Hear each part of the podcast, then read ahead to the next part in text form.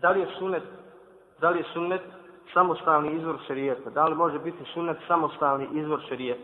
Sunnet koji dolazi s novim propisom koji ne postoji u Koranu, razilaze se jeli, na dva mišljenja. Većina islamskih hadijskih učenjaka su na stanovištu da sunnet može biti neovisan i samostalan šerijetski izvor. To jest da sunnet može donijeti propis koji se ne nalazi u Kur'anu. To je znači većina islamskih učenjaka. S druge strane imamo, imam šafiju koji smatra da hadis ne može doći sa novim propisom, koji ne nalazi neko značenje, koji ne ulazi u značenje nekog kuranskog ajeta ili pravila.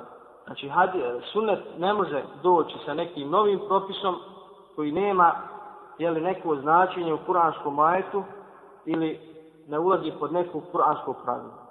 U suštini ne postoji razmoilaženje, ako pogledamo ili detaljnije, vidjet ćemo da ne postoji razmoilaženje. Čak i ovi koji su drugog stanovišta, oni kažu da sunnet može doći sa novim propisom, međutim, da osnovu toga propisa, da se osnova toga propisa nalazi u Kur'anu, na osnovu kuranskih pravila ili na, ili na osnovu značenja određenih kuranskih ajeta.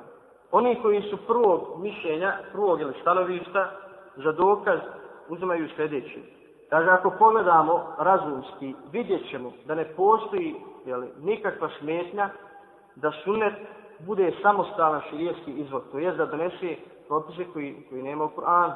Jer kaže poslanik sallallahu alejhi je sačuvan od, greš, od greške u prenošenju vjeri. Pa kako mu je dolazio Kur'an, kad tako mu je dolazio sunet. Kako, kako god nije mogao pogriješiti u prenošenju Kur'ana, tako nije mogao pogriješiti u prenošenju sunneta.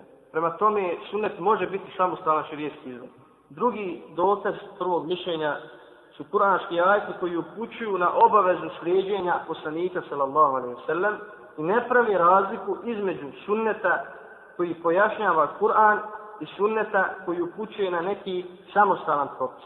Znači, poslije kuranski ajti kada govore, jeli, vrati Allah, vrati Rasul, i pokoravajte se Allah, i pokoravajte se poslaniku. Ovi kuranski ajti ne pravi razliku između sunneta koji pojašnjava Kur'an i sunneta koji je došao sa samostalnim širijskim propisom. Znači obaveza pokoravati se u oba slučaja. Treći dokaz kaže mnogi hadisi upućuju da je šerija, da se šerijat sastoji iz dvije osnove. Da se šerijat sastoji iz dvije osnove iz Kur'ana i sunneta. Pa ako se propis ne nađe u Kur'anu, onda se prelazi na sunnet, traži se sunnet.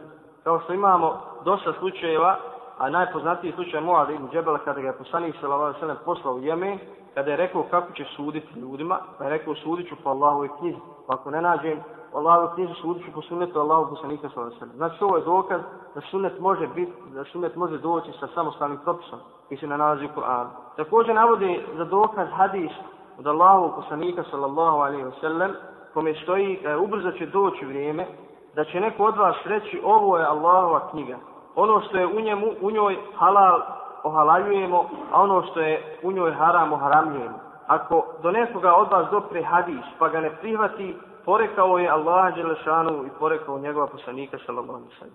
Već nije prihvatio Allah Đelešanu i njegova poslanika sallallahu alaihi sallam. Drugo, oni koji smatraju da sunnet može doći sa novim propisom, ali da mora zato imati jele, osnove neke u Kur'anu, uzimaju za dokaz sljedeće, pa kažu da sunnet u svome značenju, sunnet u svome značenju, uvijek se vraća na Kur'an.